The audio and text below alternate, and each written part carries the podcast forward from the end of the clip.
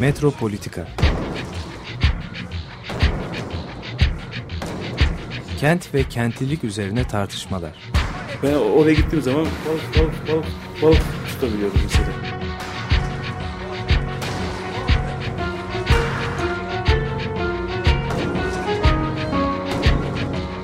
Hazırlayan ve sunanlar Aysim Türkmen ve Deniz Gündoğan İbrişim. Takusuyor ya. Kolay kolay boşaltamadı. Terk etmedi Perşembe Pazarı merkezini.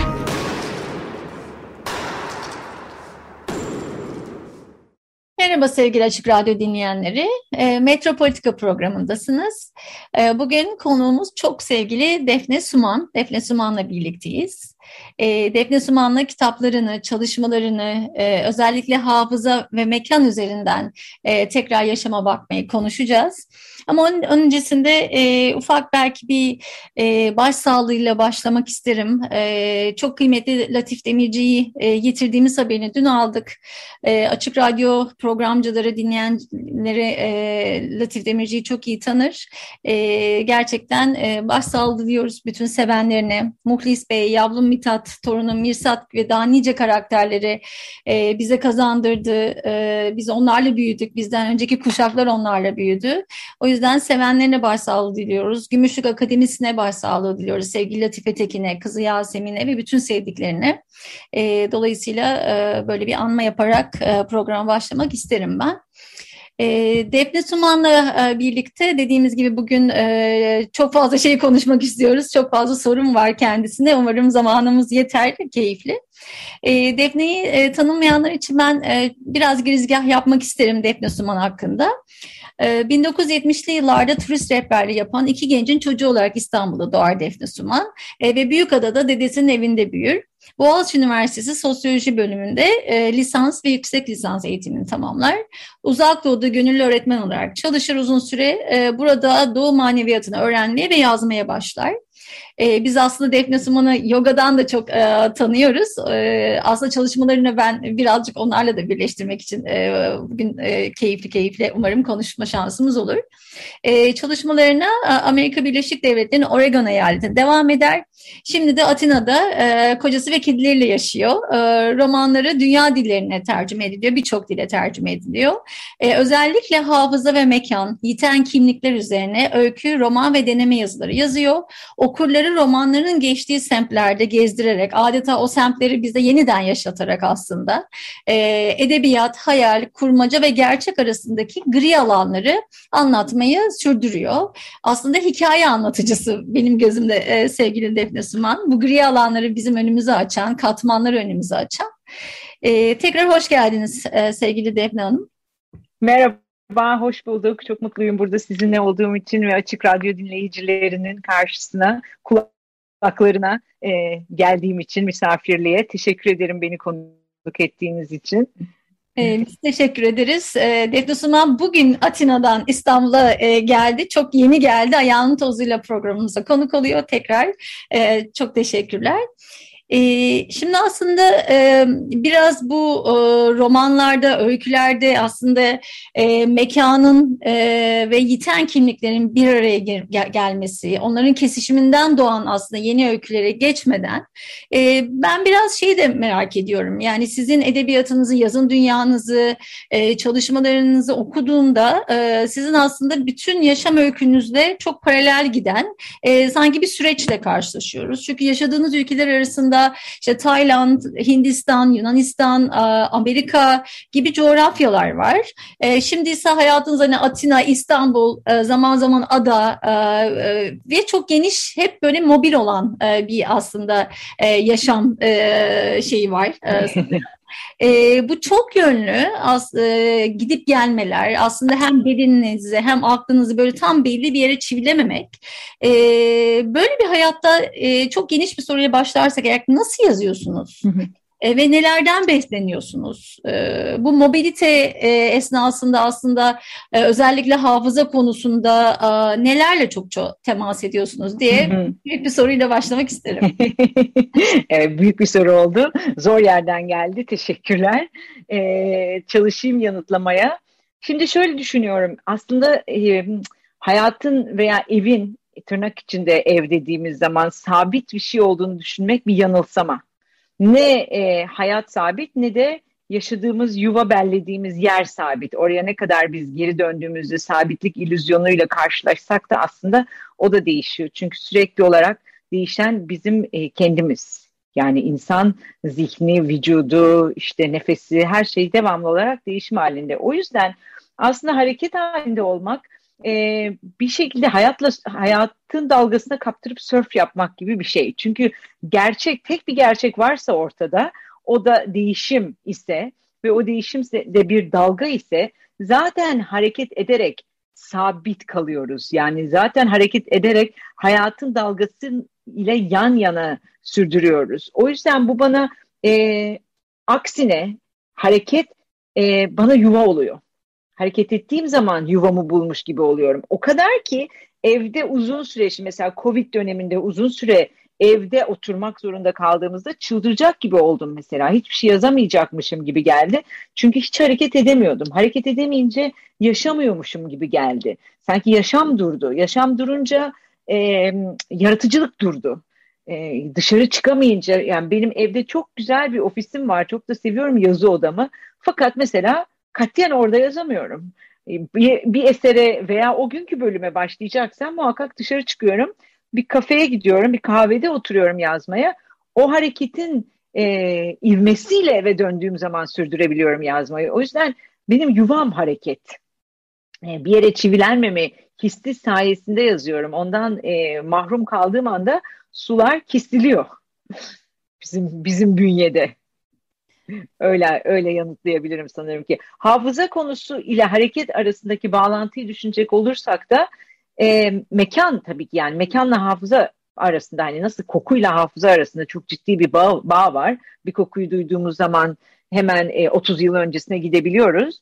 Aynı şekilde mekanla tabii hafıza arasında da bir bağ var. E, ancak belli yerlere gittiğimizde belli anılar canlanıyorlar. Bu çok e, tuhaf bir şey. Çok da sevdiğim bir, hiç uzun zamandır gitmediğim Amerika'ya gittiğim zaman mesela aklıma bile gelmeyen bir takım eski hallerim bir takım eski özlemlerim. Aa o zaman işte e, şöyle bir mesele çok canımı sıkıyordu veya şöyle birinden hoşlanıyordum.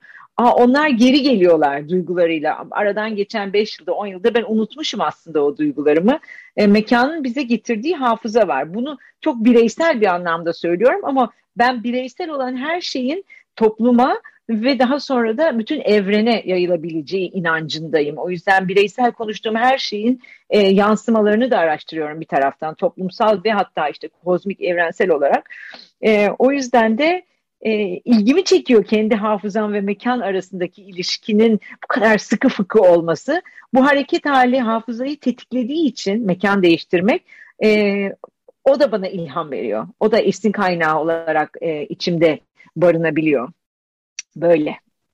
Aslında çok güzel söylüyorsunuz çünkü evi e, bir anlamda sizle birlikte sesli düşünüyorum ben. Hani evi 3-4 e, duvar arasında e, tahayyül etmemiz oldukça aslında zor. E, çünkü e, gittiğimiz her yeri e, hem kişisel hem aslında kolektif olarak dönüştürdüğümüz için aslında her yer evimiz, her yer kendi yurdumuz olabiliyor.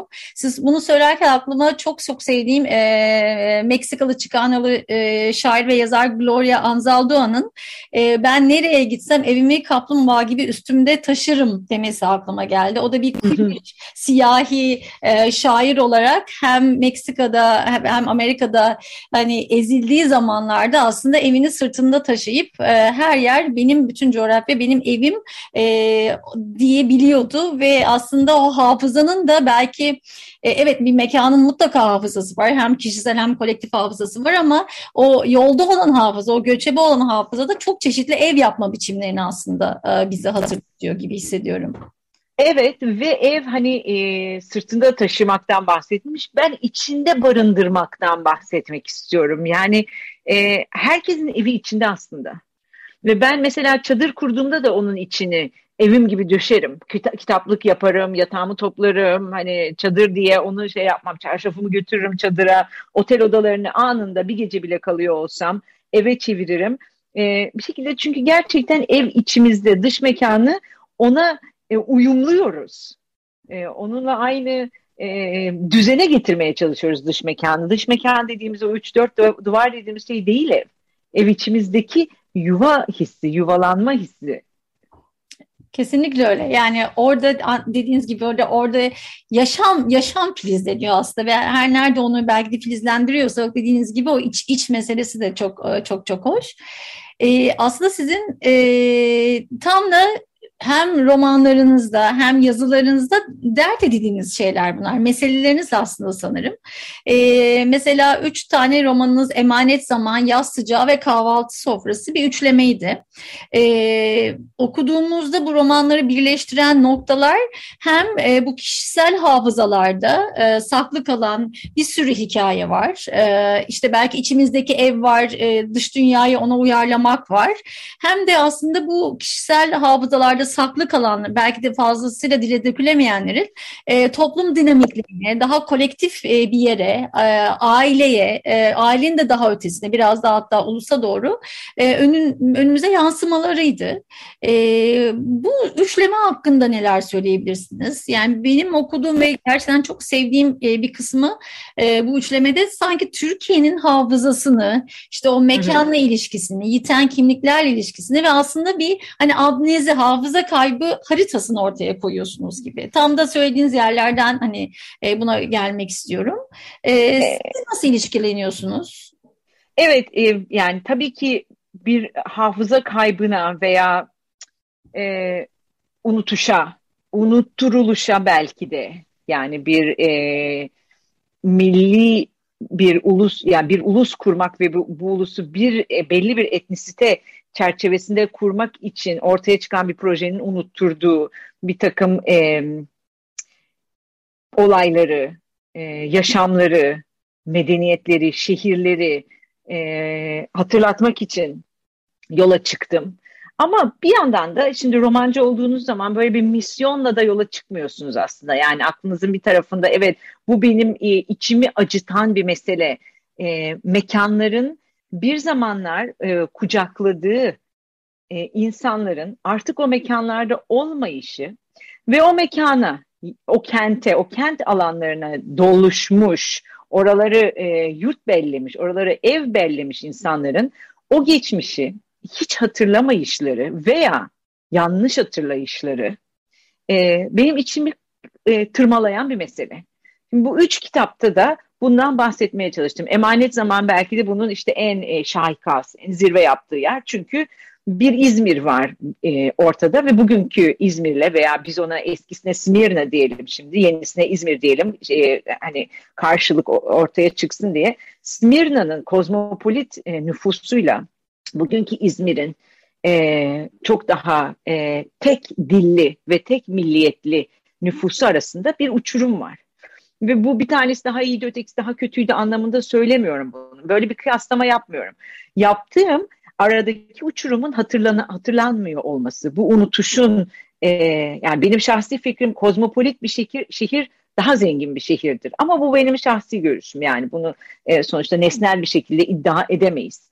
E, fakat benim için önemli olan unutuş nesnel bir şey. Sonuçta bugün İzmir'de yaşayan insanlar 100 e, yıl önceki şehirlerinin demografisi hakkında bilgi sahibi değiller.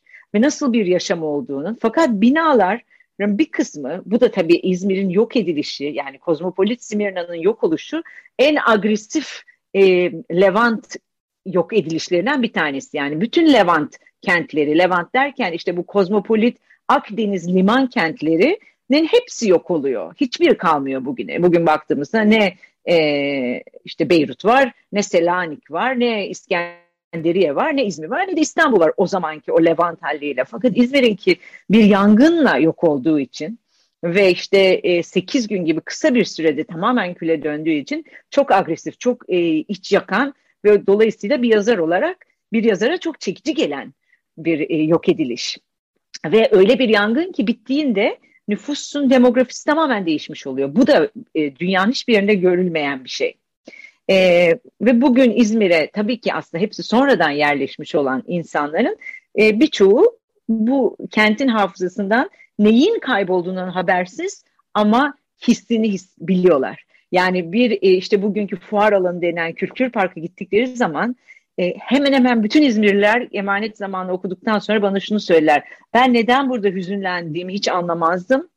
Ama şimdi burada kaybolmuş olan mahalleleri ve mahalleliği düşününce evet hüzün çok mantıklı. Tam da parkın ortasında hissetmem gibi.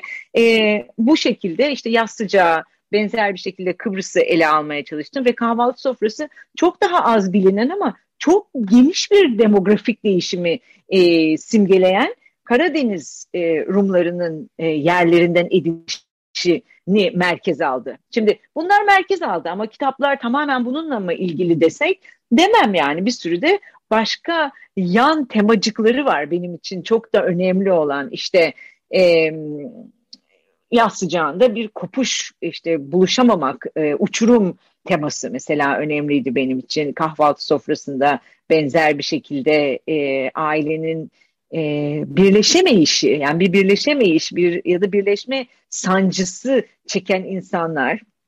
E, o yüzden bir yandan da bu e, meseleleri bir metafor gibi de düşündüm. Yani eğer Kıbrıs'ta ortasından ikiye bölünmüş ve birbirine kavuşamayan bir ada bir kavuşamama hikayesi için muhteşem bir metafor. Tabii ki orada geçireceğim ben bu hikayeyi dedim.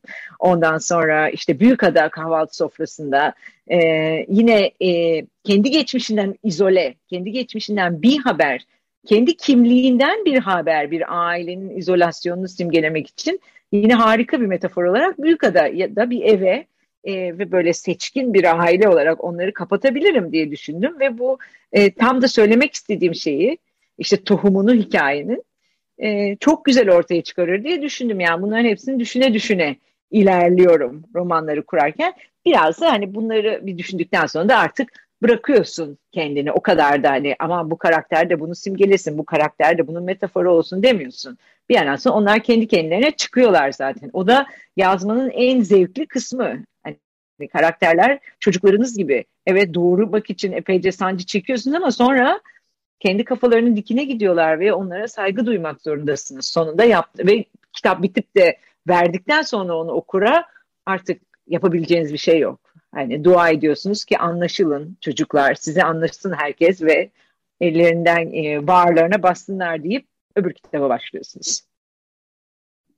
Söylediğiniz şey aslında hani açıklığa doğru yazıyorsunuz bir açıklık için. Hani o, o açıklık da aslında bize okurlara, işte araştırmacılara, akademisyenlere artık geliyor ve hani e, dediğiniz gibi hani metaforları alıp hani onun da belki daha ötesine e, doğru e, bir şeyleri anlamaya, görmeye, yorumlamaya çalışıyoruz. Ama sizin söylediğiniz şey benim çok ilgimi çekiyor. Yani benim kişisel olarak akademik hayatımda da hani yüksek lisanstan ta doktoraya ve şimdi de artık hani eğit, e, öğretim hayatımda, eğitim hayatımda hayatımda, akademisyenliğimde çok iste yani çok böyle hani e, içimi çeken konular. E, bir yerde bir yaşam var. Dediğiniz gibi harika bir kozmopolit yaşam var. E, ve biz ona ancak izlerden ulaşabiliyoruz. Yani o, evet. iz meselesi e, bu, bu çevresel e, iz de olabilir, e, kültürel iz de olabilir. Ama hayaletlerle, izlerle, e, yok mekanlarla, işte enkaz mekanlarla ancak onlar üzerinden bu tarz referanslar üzerine ulaşabiliyoruz. E, bu hakikaten çok e, yani yani hani hem edebiyattan işte ne bileyim travma hafıza çalışmalarına, kültürel travma hafıza çalışmalarından işte antropolojiye, sosyal antropolojiye o kadar farklı e, disiplinleri de içine alabilen, e, o kadar farklı söz söyleten e, bir şey ki aslında. E, o yüzden hani o orada hissedilen, o fuar alanında hissedilen hüzün gerçekten hani belli bir unutuşa, belli bir kayboluşa ama ancak izler üzerinden ona ulaşmaya izin veren evet.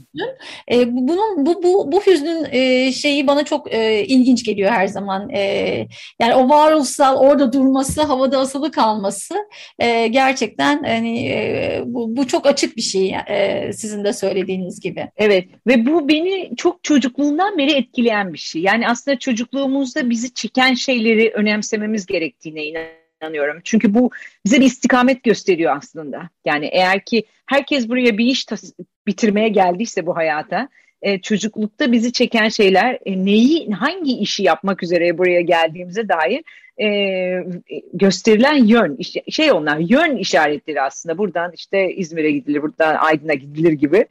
E, eğer beni beni çeken şeyler İstanbul'da e, ve Büyükada'da, Büyükada'da e, yazlarımı geçirdiğim için dedemin evinde ve İstanbul'da da e, işte Beyoğlu'nda, Nişantaşı'nda, Galata'da çok gençliğimden beri itibaren dolaşmaya başladığım için bu yitir, yitmiş bir İstanbul'un, bu enkaz mekanlar dediğiniz şeyin e, binalarda e, kendini gösterdiğini çok küçük yaşta fark, et, fark etmedim ama hissettim. Ve bu beni çok çarptı. Ve sonradan anladım ki ilk romanımı Saklambaççı e, yazdığım zaman Saklambaç'ta bir tane ortadan kaybolan Leyla var, genç bir kadın ve Leyla'nın izini süren kuzeni Eda var. Ve aslında bu iz sürme tabii ki e, tam da bu bahsettiğimiz yani bizim aslında e, şehrin e, bir zamanları yansıtan ama artık hiç kullanılmayan veya harabesi kalmış veya e, karanlık bir yüzle duran ama içine hiç girmediğimiz binalarına bakarak, avlularına, geçitlerine, kiliselerine bakarak e, başka bir şehri hayal etmemiz gibi, başka bir şehrin peşinde koşturmamız gibi bir şey. E, bu bana çok ilham veriyor. Yani beni çok etkileyen, beni yazmaya e, iten şeylerden bir tanesi bu şehrin e, bilinmeyen, karanlık, üzgün e, avluları ve bunların yitimi beni yıkıyor. Yani bunlar ortadan kayboldukça hakikaten e, yaşam damarlarından biri kesilmiş gibi oluyorum. Hani onlar orada dursaydı, evet kullanılmasaydı ama yine de dursaydılar. Kesinlikle öyle ve yani onların oradaki varlığı bence hani onlar öyle arka plan ya da arka plan hani öyle gidip önünden geçilecek bir şey değil. Onlar birer özne aslında. Kanlı canlı nefes alıp evet. veren. E, evet. e, yani o insanla işte maddenin hep hani dolaşıklığı diyoruz. Mekanla insan insanın dolaşıklığı diyoruz. Aslında tamamen büyük bir ekoloji yaratıyor. Yani hani ekoloji yani öyle doğa gibi düşünmeyip daha geniş e, şekilde tahayyül edersek aslında bütün o kentin ekosistemini, ekolojisini oluşturan, e, nefes alıp veren, nefes alıp da verdiren e, bir başka mesele gibi geliyor. Evet. Evet. Evet. Bir de bir de geçmişe e, bir de bu mekanlar aslında geçmişe geçittir. Kesinlikle. E, ben yine çok gençliğimden biliyorum. Mesela kapısını itip girdiğim Beyoğlu apartmanları vardı. Ya, içinde kimse yaşamıyor zannedersin. Giriyorsun küflü ve serin bir rüzgar yaz bile olsa çarpar yüzüne. Bir kafesli asansör vardır ve aslında birileri yaşıyordur orada. Ve o birileri artık senin yaşadığın çağdan değildir. Bir 40 sene öncedendir, 50 sene önce. Bu muhteşem bir şeydir. Bir e, çocuğun, bir gencin bunu yaşayabilmesi bir şehirde çok büyük bir nimet. Çok büyük bir bağ ve işte o ev dediğimiz şey orada kuruluyor. Ha diyorsun benim evim bu şehir. Dediğin anlar o anlar. O binalar ve o insanlar e, yok edildiği zaman, ortadan çekildiği veya e, yerlerinden sürüldükleri zaman o bağ da kopuyor. Artık neye bağlı olmadığını, neye bağlandığını bilemeyen bir nesil dolaşıyor ortalıkta ve sadece yiyip içebiliyorlar. Yani bir mekan onlar için sadece yemek, içmek e, alanına dönüşüyor. Tüketmek alanına dönüşüyor aslında yani. Yemek, içmek ve alışveriş. Bu üçünden e, ibaret oluyor mekanlar. Kesinlikle öyle. Yani e, belki buradan tam evden kaçmanın yollarına belki bağlayabiliriz diye düşünüyorum.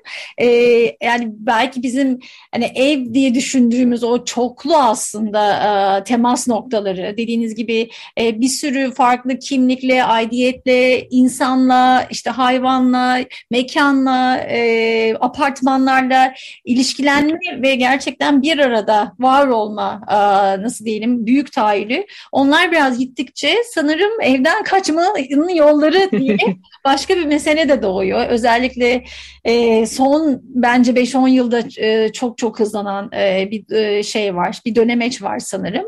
E, sizin de Evden Kaçmanın Yolları kitabınız ön sözünde e, Şirinli yazar Zambra'nın eve dönmenin yollarıyla e, çok e, tatlı bir şekilde konuşuyorsunuz ve aslında Zambra'nın size e, esim verdiğinden bahsediyorsunuz. E, şu soruları soruyorsunuz. Ben yani sizden biraz alıntı yapabilirim çünkü çok e, gerçekten hani ev, kaçmak ve yeniden bir yaşam kurmak üzerine çok anlamlı sorular. E, şöyle söylüyorsunuz, Zambra bu romanda eve dönmenin, bir yere, bir yurda, hatta belli bir aileye ait olmanın gizemi üzerine kafa yorar. Evden kaçmanın yollarında biz de aşağı yukarı onunla aynı yerlerde geziniyoruz. Çocukluğumuzu iğnelediğimiz yerden mi başladı kaçmaya ve yazmaya? O yeri yitirdik ve sonra şiirimizde, yazımızda yeniden yarattık mı? Onun içinde rahat mıyız? Yoksa kaçış denemeleri sürüyor ve keşifler tam da bu denemelerin kalbinden mi doğuyor? Ee, şarkılarımızdan önce hani size şunu sorsam yani keşfetmemiz için ya da e, aslında e, başka denemeler için kaçmak ne kadar gerekli? Ee, çok gerekli. Ben kaçmanın çok e, önemli yani yaratıcılıkta ve yaşamda çok önemli bir yeri olduğunu düşünüyorum. Kaçmak değil, kaçınmak değil ama kaçmak. Yani bir süreliğine e, koşarak uzaklaşmak, alıştığımız her yerden, alıştığımız, içine yerleştiğimiz, içinde fazla rahat ettiğimiz her yerden kaç ve uzaklaş ve oraya uzaktan bak. Oraya uzaktan baktığın zaman e, başka bir yer daha rahat bir alana dönüştüyse oradan kaç, eski yerine geri dön ve oraya şimdi yeni bir gözle bak. Bu yoksa sanırım ki e, insan kendini yenileyemiyor ve bu tek tek düzelik tek düzelik yüzeysellik hani insanın en büyük acısı özellikle 20. 21. yüzyıl insanında bu iyice ortaya çıkıyor. Yani hep yüzeyde seyreden bir yaşam gidiyor. Kaçmak bizi derinleştirebilen bir şey.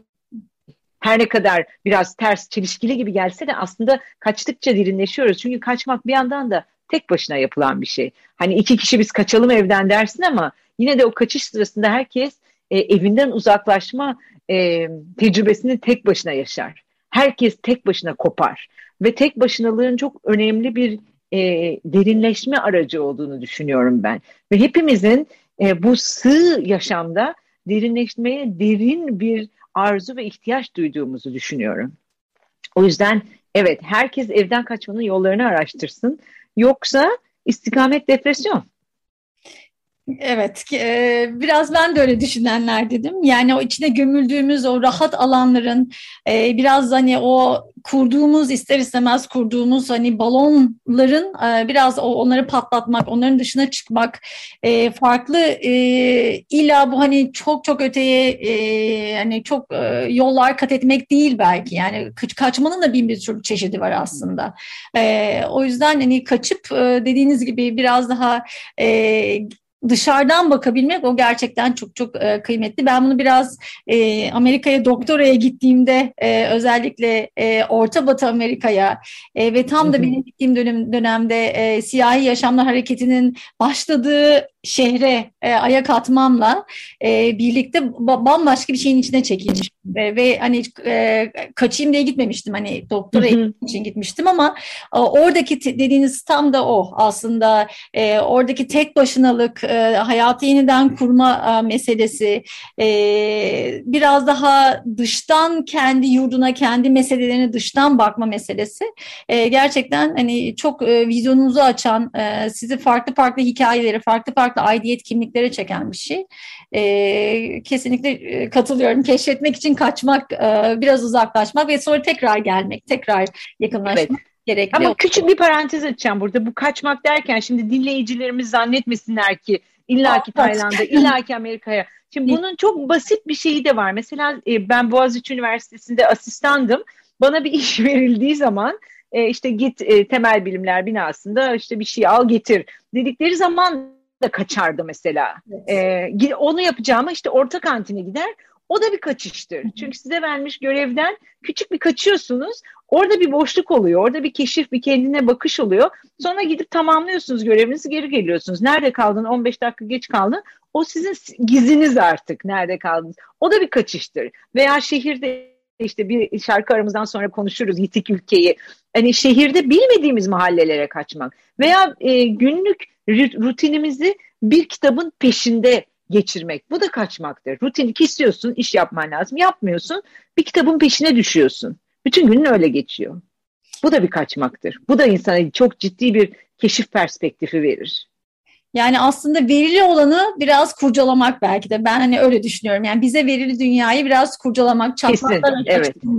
E, o yüzden illa çok uzağa kaçmak değil. Hani evet. bulunduğun yerde, bulunduğun yerde e, başka türlü bir nefes almanın belki imkanına e, gitmek gibi.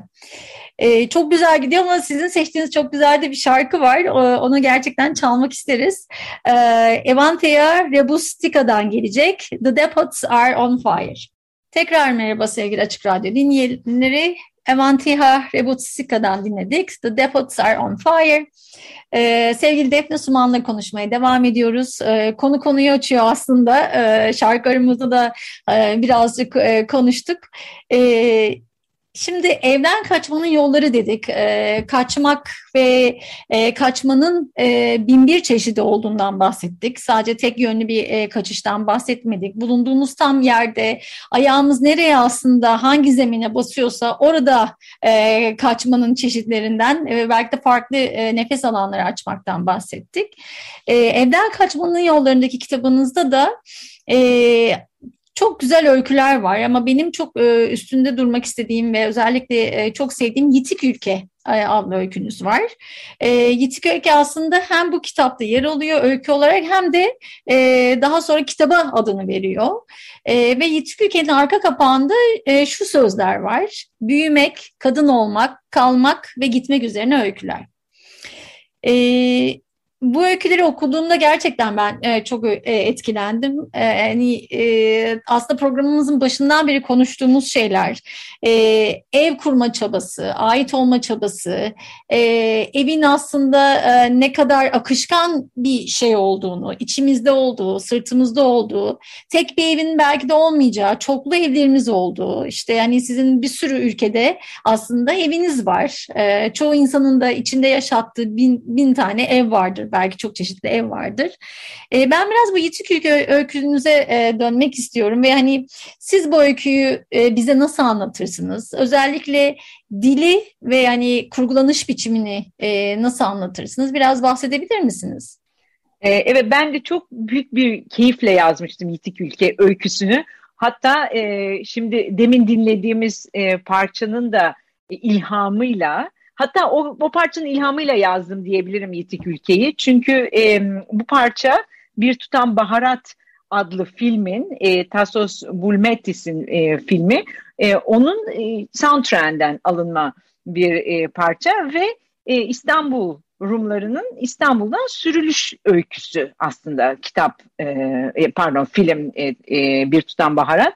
E, bu, bu artık çok yakın zamanda yaşandığı için belki yani 1964 e, sürgünlerinden bahsediyorum. Yani benim doğumumdan 10 sene önce yaşanıyor. Dolayısıyla bunun izlerini e, benim e, formatif yıllarımda hissetmemem mümkün değil.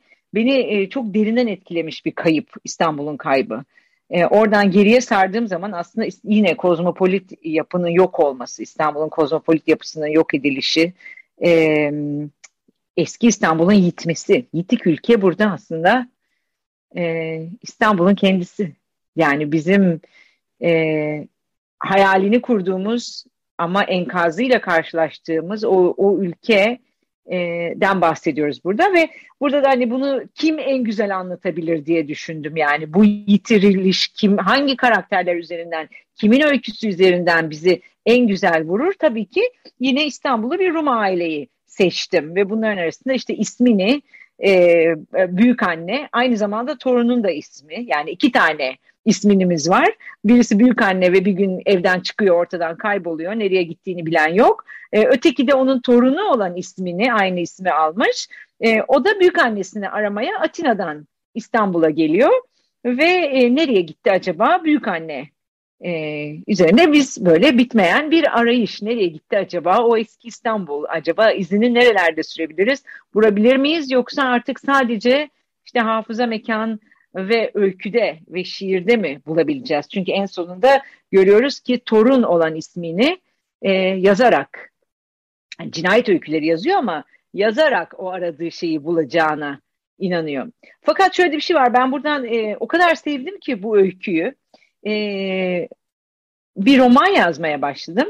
Ve romanın içine şu anda daha çıkmadı, e, sonbaharda çıkacak Çember Apartmanı adlı bir roman. E, ve e, yan karakterlerden bir tanesi de bu büyük anne ismini. E, onu da dayanamayıp oraya yerleştirdim. E, bu kopuk işte e, ismini güçlü ve İstanbul'a aşık bir e, Rum kadını. O yüzden 1964 sürgünleri haberi geldiği zaman e, işte kocası Stelio gönderilecek Yunanistan'a. Normalde e, bir kadının da onun peşinden gitmesi gerekiyor. Aslında isminin gitmesine gerek yok. E, ama bütün kadınlar gidiyor kocaları gönderildiği için. ismini İstanbul'u seçiyor. Tamam diyor gelirim ben gelirim. Sen git ben işte kızın okulu bitsin gelirim. Kızlarının okulu bitiyor. Kız kendisi üniversite okumaya Atina'ya gidiyor. Anne kalıyor. E, torunları oluyor. Gitmiyor Atina'ya. O İstanbul'u e, eski İstanbul'un simgesi olarak ismini yaşıyor. E, ve büyük bir e, yarık aslında İstanbul'un yaşadığı. Yani nüfusunun e, çok büyük bir kısmını yitirmenin, onu e, kovalamanın aslında e, kutsal topraklarından ayrılan halkımızın hüznünü götürdü trenler gibi bir şey söylüyor e, öyküde anlatıcı. Anlatıcı ismini küçük olan genç olan. E, bunların hepsini anlatmaya çalıştım. Bir de e, Yitik Ülke'yi okuyanlar yani kitabın kitabı okuyanlar, öykü kitabı olan Yitik Ülke'yi okuyanlar bir de bakacaklar ki aslında hemen ikinci öykü ismi Ev o da aynı ailenin bir çocuğu tarafından anlatılıyor. Yani böyle bunu okuyunca sevinecek kişiler var. Aa bağlantıyı buldum. O da isminin, e, torun olan isminin abisi Stelio anlatıyor bize ve hikayenin adı Ev ve orada da e, gidenlerin yaşadıkları yani İstanbul'u İstanbul'da kalanlar değil de İstanbul'dan ayrılanların evsizlik, yersizlik, yurtsuzluk ve bir türlü kendilerini yuvada hissedemeyiş e, öyküsü olarak kaleme aldım onu da. Aslında ne kadar güzel kuşaklar arası giden, kuşaklar arasında açılan e, o İstanbul'un e, aslında bilgisine erişiyoruz biz de okurlar olarak.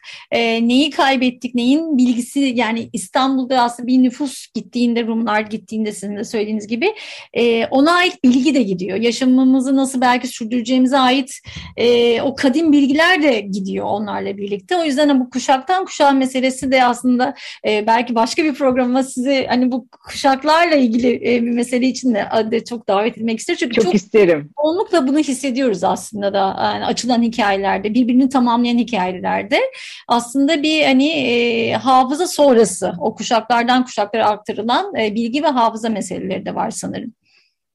Evet. E, hatta şimdi ben işte İstanbul tarla başına geçen bir roman yazıyorum. O yüzden de böyle bir Beyoğlu e, hafızasını alt üst ettim kuşaklardan kuşaklara geçen var, ustadan çırağa geçen bilgi var ve geçemeyen bilgi var. Mesela işte Beyoğlu'nun dönüşümü sırasında bir Tilla Hastanesi var. Tilla Hastanesi'nin sahibi Yahudi ama Beyoğlu'nun artık 70'lerin sonlarına doğru haline dayanamayıp bırakıyor. Ee, başka bir yerde işte antikacı dükkanı açıyor ve devrettiği kişiler o pastane kültürünü sürdüremiyorlar geçmiyor. O kültür böylece hani o, o eski zamanların şekerlemeleri falan dedikleri şey hakikaten bugünkü artık e, çok sığ ve sadece şekerden oluşmuş yani içindeki o rafineliğini taşımayan bir tatlıcılığa dönüşüyor. Ya e, bir örnek olarak söylüyorum hani o usta çırak ilişkisi de kopuyor nüfus değişirken. Bilgi Tabii. aktarılamıyor orada da. Çok çok çeşitli e, dediğiniz gibi yani yitiklikler aslında gene. Yitiklikler evet evet. Ve bugün İstanbul'da bizim acısını çektiğimiz şey en çok da bu. Yitiklikler ne oldu diyoruz hepimiz. Ne oldu? Nasıl yitirdik? Aslında ortada hikaye. Kesinlikle öyle. Ee, az zamanımız var, birkaç dakikamız kaldı ama e, ben size e, son olarak biraz e, yağmurdan sonrayı da sormak istiyorum. Bu çünkü günümüze şu anda geçtiğimiz e, son iki senedir de e, yoğun geçtiğimiz e, pandemiyle birlikte e, çok okunan e, ve hani onunla çok e, iç içe olan bir e, anlatı yağmurdan sonra. E, biraz bundan bahsedebilir misiniz? E, ve özellikle yağmurdan sonrayı e, yazma süreciniz, e, yağmurdan sonranın içinde geçen aslında geçmişe dönmek değil, e, şimdi ve geleceğin belki de yani travmalarına bakmak, şimdiden geleceğe bir projeksiyon e, yapmak e, çok e, baskın bence Yağmur'dan sonra da. E, biraz e, son olarak bunu anlatmak çok Tabii sevdim. ki. Şimdi Yağmur'dan sonra e, benim gelecekte geçen tek e, hikayem, tek romanım, küçük romanım, novellam. E, bu da mekandan çıktı. Genelde benim e, romanlarım hep mekandan, ya bir mahalleden ya bir semtten ya da bir gerçekten bir binadan çıkıyorlar. E, Büyükada'daki eski Rum yetimhanesi e, yanından yürürken aklımdan geçen, içimden geçen ama geçmişte değil de gelecekte geçsin diye sırf yazar yazmanın kolaylığı yüzünden geleceğe aktarayım ben bunu derken işte bu e, nasıl bir gelecek bekliyor bizi? E, bu da böyle sosyolojik mühendislik dediğim bir şey yaptım yani 100 yıl sonra dünyanın hali ne olacak? Çok zor bir şey değil tahmin etmek gidişat. Ortada zaten. E, ona göre bir dünya kurdum. E, dünyanın içinde de işte e, kontrol kıskaçları iyice daraltılmış.